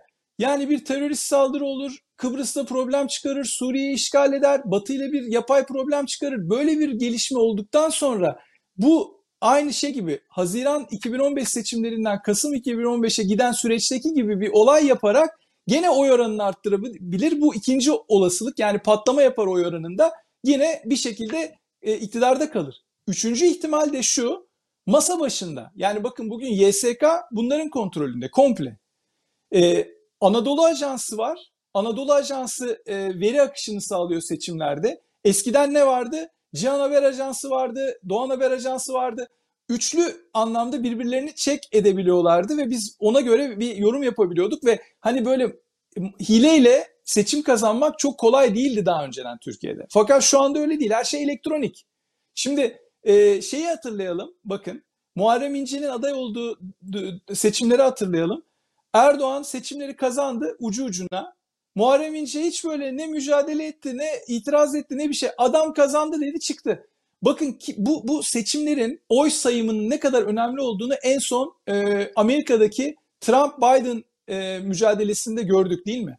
Amerika gibi bakın Amerika dünyada bu konularda en yoğun şeffaflığın olduğu ülke. Yani şimdi yiğidi öldür hakkını yeme. Ye, yeme. Şimdi Amerika'nın demokrasi standartları belki birçok açıdan sıkıntılı şu anki itibarla bak, baktığımız ama seçimsel sistem olarak baktığınız zaman Amerika'da böyle hani temiz seçimler var diye elinizi verirsiniz. Hiç sıkıntı yok. Buna rağmen Amerika'daki bu temiz seçimsel prosedüre rağmen ne kadar ciddi anlamda bakın sıkıntılar ortaya çıktı. Şimdi bunu Türkiye'ye uyarlayın. Yani Erdoğan bunun aynısını yapacak. Bunu şimdi bunu beklemeyenler naif. Yani şey diye zannediyorlar. Erdoğan o akşam yani... e, sarayda oturacak, seçim sonuçlarını izleyecek. Ha oldu tamam o zaman seçim sonuçları böyleymiş diyecek. Ertesi gün valizlerini toplayıp çıkacak gidecek. Böyle bir olay yok ya. Yani mümkün değil. Hani buna inanan varsa çok naif. Yani buna inananlar e, ne yani gazeteci ise gazetecilik ya, yapmaması lazım. Siyaset bilimci ise siyaset bilimciliği yapmaması lazım. Çünkü mücadele edecek. Bunu ya masa başında yapacak ya e, işte bahsettiğim enstrümanları kullanarak yapacak. Ertesi gün kalkıp tamam ben seçimi kaybettim deyip rakibinin elini sıkacak bir e, adam yok karşımızda. Dolayısıyla aynı şeyin dediği gibi Ahmet Altan'ın vakti zamanında dediği gibi bunların iktidardan gitme lüksü yok. Gırtlaklarına kadar suça battılar, gırtlaklarına kadar yolsuzluğa battılar. Yarın gitse başında Yüce Divan var, başında mahkeme süreci var, başında bir sürü dert var ve bunu destekleyen işte bu güruh, oligarkları bunların işte buna destek olanlar bunların da gırtlaklarına kadar suça batma şey var. Biz sadece baştakilerin durumunu biliyoruz şimdi. Yüksek kademeyi biliyoruz. Orta kademeler, alt kademeler bunların hepsi bir network içinde çalışıyor. Dolayısıyla ben şunu söyleyeyim e, ez cümle toparlayarak. Bence böyle kamuoyu araştırmaları e, bu rejimin geleceğini tespit edemez. Yani kamuoyu araştırmaları tabii bize bir fikir verir halkın temayülleri konusunda ama kamuoyu araştırmalarının dışında bizim biraz sistem analizi yapmamız lazım. Bu konuda bence biraz tembellik yapıyor Türkiye kamuoyu. Evet Bülent ne diyorsun? %50 ile 55 ile 60 ile kazandım diye e, ortaya çıkabilir mi Erdoğan bu anketlere rağmen bu olumsuz çıksa çıksa rağmen? kim ne diyecek? Çıksa kim ne diyecek? Eyvallah. Yani kimin elinde ne araç var? Yani yargıyla mı mücadele edeceksiniz? Medyayla mı mücadele edeceksiniz? E, askerin hali ortada. Yani o da zaten bir çözüm değil. Ben size sembolik bir şey söyleyeyim. Dün Erdoğan'ın nasıl kazanacağına dair çok sembolik bir e, hadise yaşandı. Ne yaşandı? E, Nevruz olaylarında gösterilere katılan, katılan bir gencecik Malatyalı bir çocuk Dicle Üniversitesi okuyan katledildi. Milletin göz önünde katledildi. Üzeri çıplak, elinde bir e, küçük şişe, e, yarım litrelik şişesi olan, pet şişe olan bir çocuk katledildi. Fotoğrafları var. Ne oldu o polis? Ne oldu o ço- çocuğu katledenler? Tahliye edildiler. Serbest bırakıldılar, beraat edildiler. E, e, görüntülere rağmen.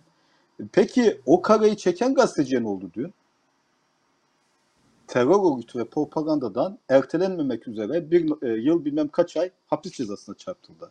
Ya bu seçim mevzu da ne, e, e, günün sonunda yargısal süreçlere ucu ulaşan hak, e, hakim garantisi içerisinde, mahkeme garantisi, garantisi içerisinde güya e, hukukiliği, şeffaflığı, e, demokratlığı e, teyit edilen e, bir mekanizma.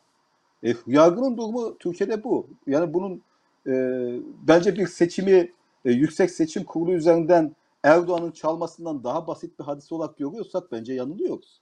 Yargı Erdoğan'ın köpeği, o köpeği tepe tepe kullanmakta Erdoğan gibi bir despotun zerre e, farklı düşünme olasılığına ben ihtimal vermiyorum.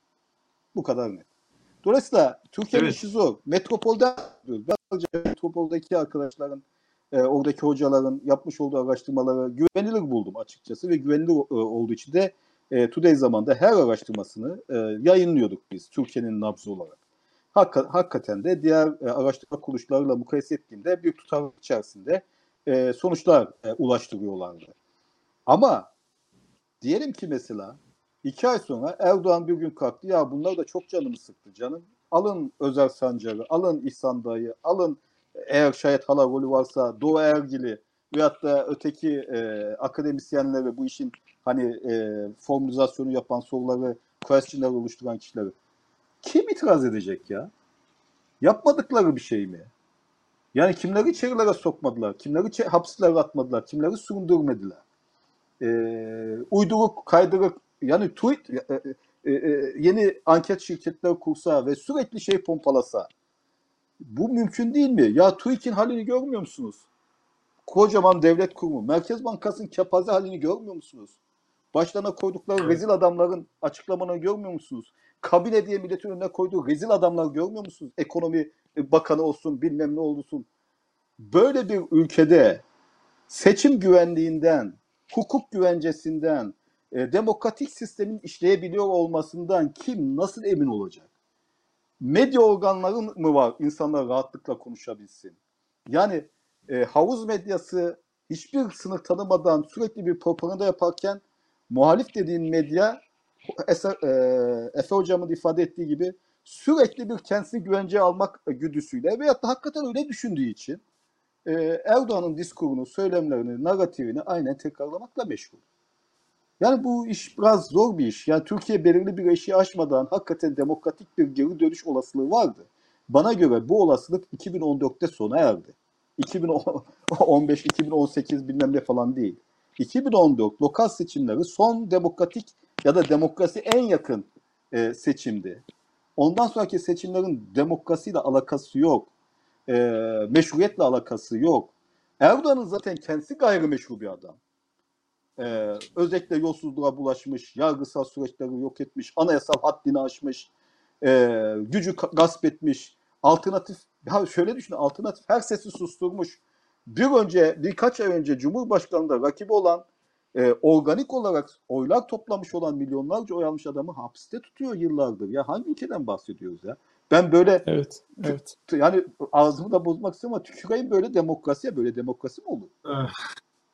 Realite, realite, Yani Se- Selahattin realite bu. Demirtaş olayı çok ciddi bir gö- gösterge. Yani Selahattin Demirtaş'ın e, içeride olması, 10 Kürt vekil içeride. Yani şimdi mesela ben şunu söyleyeyim. CHP'nin, İyi Parti'nin falan ben ben mesela CHP'nin lideri olsam ben Selahattin Demirtaş'ın hapisten çıkarılmasını çok önemli bir gündem olarak e, kendi ajandamda tutardım. Veya giderim haftada bir ya da ayda bir ziyaret ederdim Demirtaş'ı. Yani önemli olan farklı partide olması değil. Çünkü aynı şey benim de başıma Haftada gelebilir. Yani hani hani Haftada haftada biri geçtik ya bir kere anar adam yani bir grup konuşmasında Demirtaş'ı. Evet. Bir kere gider Evet. ziyaret eder yıllardır. 5 senesini doldurdu. Yani dediğiniz gibi meşru bir partinin meşru bir lideri. Ee, yalnız şunu nasıl anlayacağız peki? Yani böyle elitler arası güç yani yoldan çıkmış rejim içinde de bir güç mücadelesi olduğu şeklinde mi yorumlamak lazım bunu? Mesela Sedat Peker'le ilgili bir dava açmışlardı. E şimdi insanlar 92 sanığın yargılandığı davada herkes tahliye edildi. Mesele e, kapandı. Sedat Peker yaylım ateşi yapmaya devam etmesine rağmen rejimin aktörlerine. İşte geçenlerde Yargıtay şeyi bozdu mesela. Askeri öğrencilerle ilgili müebbet hapis cezaları falan verilmiş. Yıllardır e, hapiste duruyorlardı o masum çocuklar. Darbeden 15 Temmuz'dan falan haber olmayan. Yani bir taraftan da bunlar oluyor. Bu böyle rejim rejim içi e, oluşmaya çalışan o ortakların bir kavgasının sonucu mu bu? Bağımsız yargı olmadığına göre herhalde Yani e, bana göre rejim içi e, bir takım uyuşmazlıklar olacak ama biraz önce Bülent Bey'in e, çok doğru bir şekilde kanaatimce işaret ettiği üzere e, rejim içindeki farklılıklar rejim içindeki ortak çıkarlarından daha çok değil şu anda ki hala bir aradalar. Yani bir takım dirsek temasları, bir takım işte daha fazla belki rejim içerisinde aktif veya hakim pozisyona geçmek gibi bir takım girişimleri olabilir ama Bence şu an hepsi birbirine muhtaç durumda. Yani dolayısıyla e, önümüzdeki Cumhurbaşkanlığı seçimleri 2023 çok kritik ve e, Erdoğan'ın adaylığı konusunda da bir şaibe yok. Bence bütün e, yani paydaşlar, rejim paydaşları e, öyle ya da böyle Erdoğan'a destek olacaklar. Çünkü biliyorlar ki kendi kaderleri de, kendi siyasi ve ekonomik gelecekleri de Erdoğan'ın yeniden başkan seçilmesine bağlı. Ama diğer taraftan bir de şunu da düşünmek lazım. Muhalefet partileri yani e, Cumhuriyet Halk Partisi, İyi Parti, DEVA vesaire muhalefet partileri açısından baktığınız zaman da muhalefet partilerinin çok büyük bir e, oranda rejim diskurunu yani rejimin çizmiş olduğu çerçeveyi veya paradigmayı kabul ettiğini görüyoruz. Yani bugün çıkıp ha şu bir çok önemli bir gelişme. Sayın Kılıçdaroğlu'nun geçen gün çıkıp e, işte bu özgürlüğüne kavuşan askeri öğrenci ve annesini kabul etmesi çok önemli bir gelişme bence. Ama bakın Kılıçdaroğlu hep bu hamleleri yaptı sonra geri adım attı. Neden? Çünkü Kılıçdaroğlu sosyal demokrat. Gerçekten ben inanıyorum Kılıçdaroğlu'nun çok düzgün bir insan olduğuna ve e, samimi şekilde demokrat bir insan olduğuna. Ama diğer taraftan CHP içerisindeki yapı e, ulusalcıların çok dominant olduğu ve zaman zaman da çok haşince e, bu, demokratikleşme çabalarını baltalayabildikleri bir yapı. Yani ben aslında biraz da şöyle görüyorum. Kılıçdaroğlu'nun liderliği ve CHP'yi dönüştürebilmesi, CHP'nin gerçek anlamda bir demokratik, e, sosyal demokratik bir harekete dönüşmesi Türkiye'yi de demokratikleştirebilecek bir şey potansiyel olarak. Ama bunu yapabilmesi için Kemalist tabanın e, yani Kemalizmden daha çok yani Kemalizmin içinde demokrasiye uygun olabilecek bir sürü şey yap var. Modifiye edebilirsiniz yani bunları alarak ama çıkıp yani 1920'lerin 1930'ların e, milliyetçiliğini veya devletçiliğini veya işte ne bileyim ba- başka bir takım unsurları böyle motomot uygulamaya kalkarsanız ki CHP içi- içerisindeki ana akmarı olması gerekiyor bence. E, dolayısıyla biraz buna bağlıyorum ben.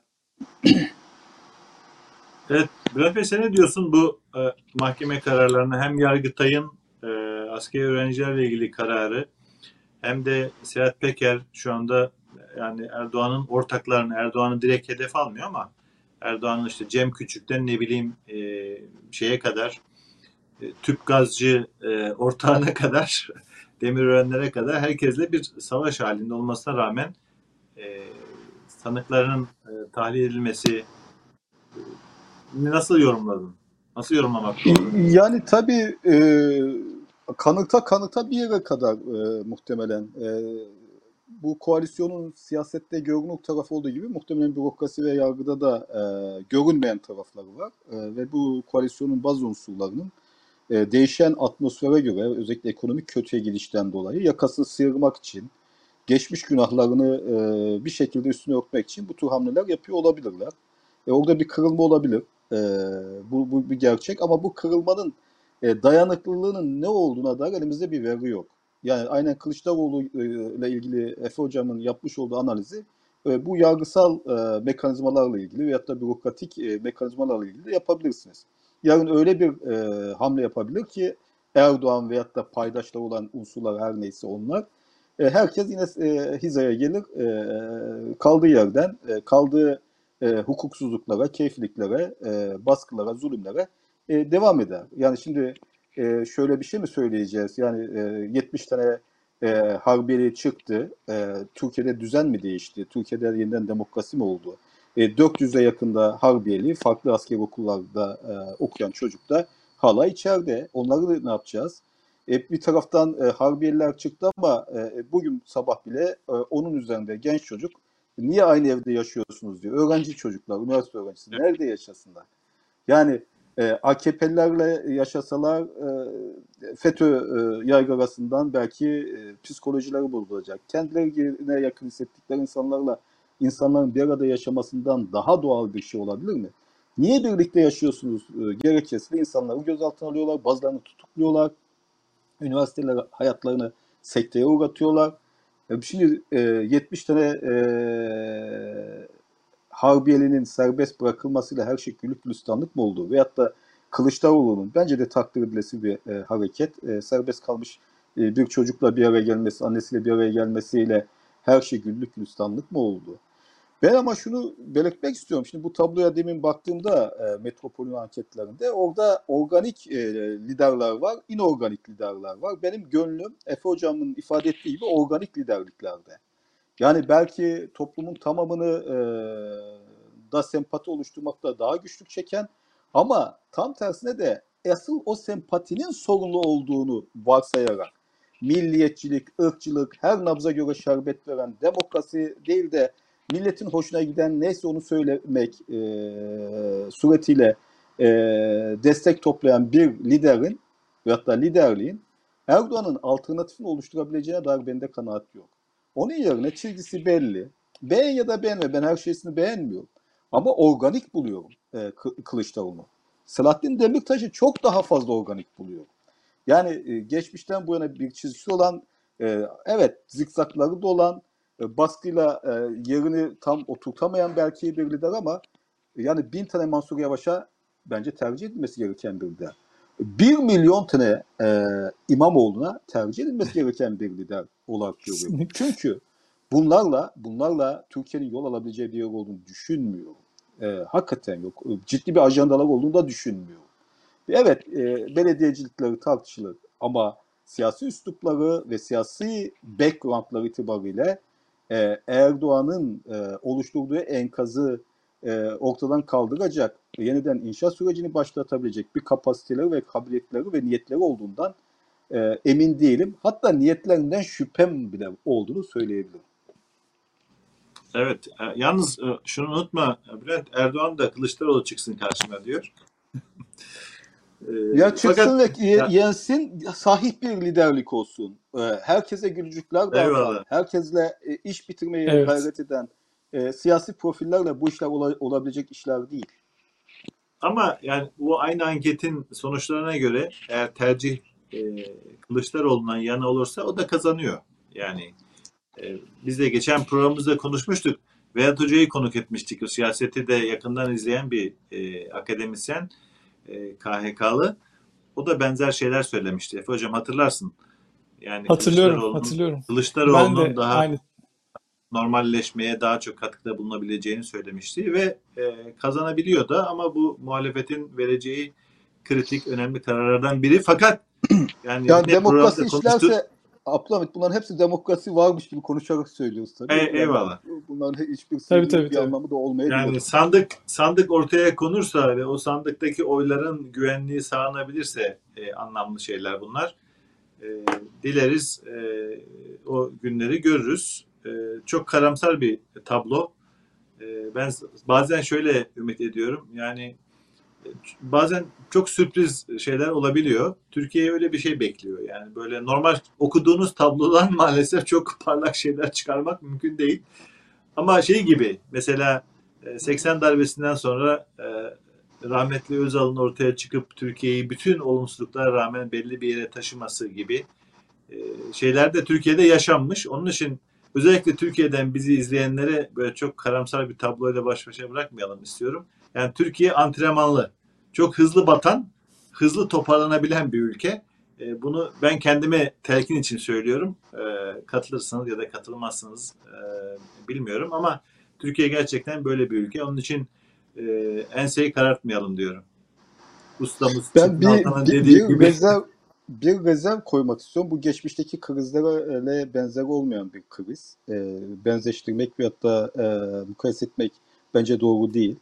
Askeri darbeler işte NATO'ya bağlılıklarından dolayı eninde sonunda demokratik nizamı yeniden test etmek mecburiyetinde olan darbelerdi. Onun neticesinde Özal'ın önü açılmıştı. E, o kendince doğru bildiklerini yaptı. Ama burada hakikaten e, üst yapının ötesinde alt yapının da dönüştüğü, radikalize olduğu, sorunlu bir hale geldiği, güçlendiği e, bir sosyolojik e, sorunla da karşı karşıyayız. Bu sadece yani politik üst yapıyla alakalı bir mevzu değil. E, Türkiye'nin işi kolay değil, zor. Seçim de kayb- e, kazanılsa e, maalesef e, zor bir süreç bekliyor. Yani evet, ben de e, katılıyorum Bülent, Bülent Bey'e. E, ben şöyle düşünüyorum. Yani bu biraz e, hani e, belki teşbihte hata olmaz ama bir evliliği kurtarmak gibi yani iki tarafında bunu istemesi lazım. Şimdi bu böyle sadece e, işte demokratların bunu istemesi ve halkın çok önemli bir tabanınınsa buna ilgi göstermemesiyle olacak bir şey değil. Türkiye hep böyle e, tepeden aşağıya doğru olan gelişimlerde daha çok askeri bürokratik sınıfın kontrolüyle bunu daha önceden başarmıştı. Yani İkinci Dünya Savaşı'ndan sonra demokratikleşme veya işte Atatürk'ün e, Kurtuluş Savaşı'ndan sonra kendi istediği sistemi kurması falan hep tepeden aşağıya doğru olan gelişmeler. Osmanlı'da da bunun örneklerini e, verebiliriz. Fakat şu anda böyle bir tablo yok. Yani Bülent Bey'in söylediği gibi biraz daha e, böyle e, yatay hiyerarşilerin ve e, farklı güç odaklarının aynı anda Türkiye siyasetine sirayet edebileceği, etki edebileceği bir ortam var. Dolayısıyla bence tabanın iknası ve tabanın dönüştürülmesi çok önemli. Yani ben de katılıyorum tekrar. Kılıçdaroğlu Erdoğan'ın karşısında aday olursa ve seçimi kaybetse bile ondan sonraki süreç açısından daha güçlü ve dinamik, daha işte liderle ve e, siyasi hareketle bütünleşmiş bir muhalefet oluşturabilirse ve bunu biraz sivil itaatsizliğe ve e, işte daha farklı bir takım demokratik yöntemlere de kanalize edebilirse e, uzun vadede daha başarılı bir demokratikleşme gerçekleşebilir diye düşünüyorum. Aksi takdirde biz hep böyle e, Erdoğan ve bu rejim gibi bir takım e, başına filanca falanca deyip peşinden de faşist dediğimiz yapılar veya otoriter dediğimiz yapılarla e, mücadele etmek, güreşmek zorunda kalacak. Evet, yani tahribatın e, çok büyük olduğuna şüphe yok. 12 Eylül'de e, birkaç yüzü geçmemiş yani asker e, üniversitelerden uzaklaştıran akademisyen sayısı şimdi 7000'den bahsediyoruz. Yani evet. böyle kapatılan gazeteler belli günlerle Cumhuriyet Gazetesi'ne yasak getirilmiş. Şimdi 200'den fazla gazete kapatılmış durumda. E, ya, Anayasa Mahkemesi üyesinin hapiste olduğu bir ortamdan bahsediyoruz. Gerçekten tahribat çok büyük. Tamiri de öyle çok kolay olmayacak. Ama e, yine de her şeye rağmen umutlu olmakta e, fayda var. E, bu, bu notlarla e, bitirelim isterseniz bu haftaki programımızı. Çok teşekkür ediyoruz e, Bülent Bey vakit ayırdığınız için. Ben teşekkür ederim. E, tekrar bir geçmiş olsun diyelim. Gerçi sıkıntı tamam. devam edecek diyorsunuz. Türkiye bu işte oynamaya devam edecek ama e, ben de tahmin etmiyorum yani e, İsveç'in, e, Finlandiya'nın demokrasiyi feda edip sizin gibi e, değerli gazetecilere e, öyle bir hukuksuzluk rejimine göndereceğini e, ama e, dikkatli olmakta fayda var. Efe Hocam size de çok teşekkürler. Kıymetli Ben de çok teşekkür ederim Ahmet Bey. Çok sağ olun. Değerli izleyiciler size de vakit ayırdığınız için çok teşekkür ediyoruz. Yeni bir kum saatinde e, buluşmak üzere. E, selamlar, hoşçakalın.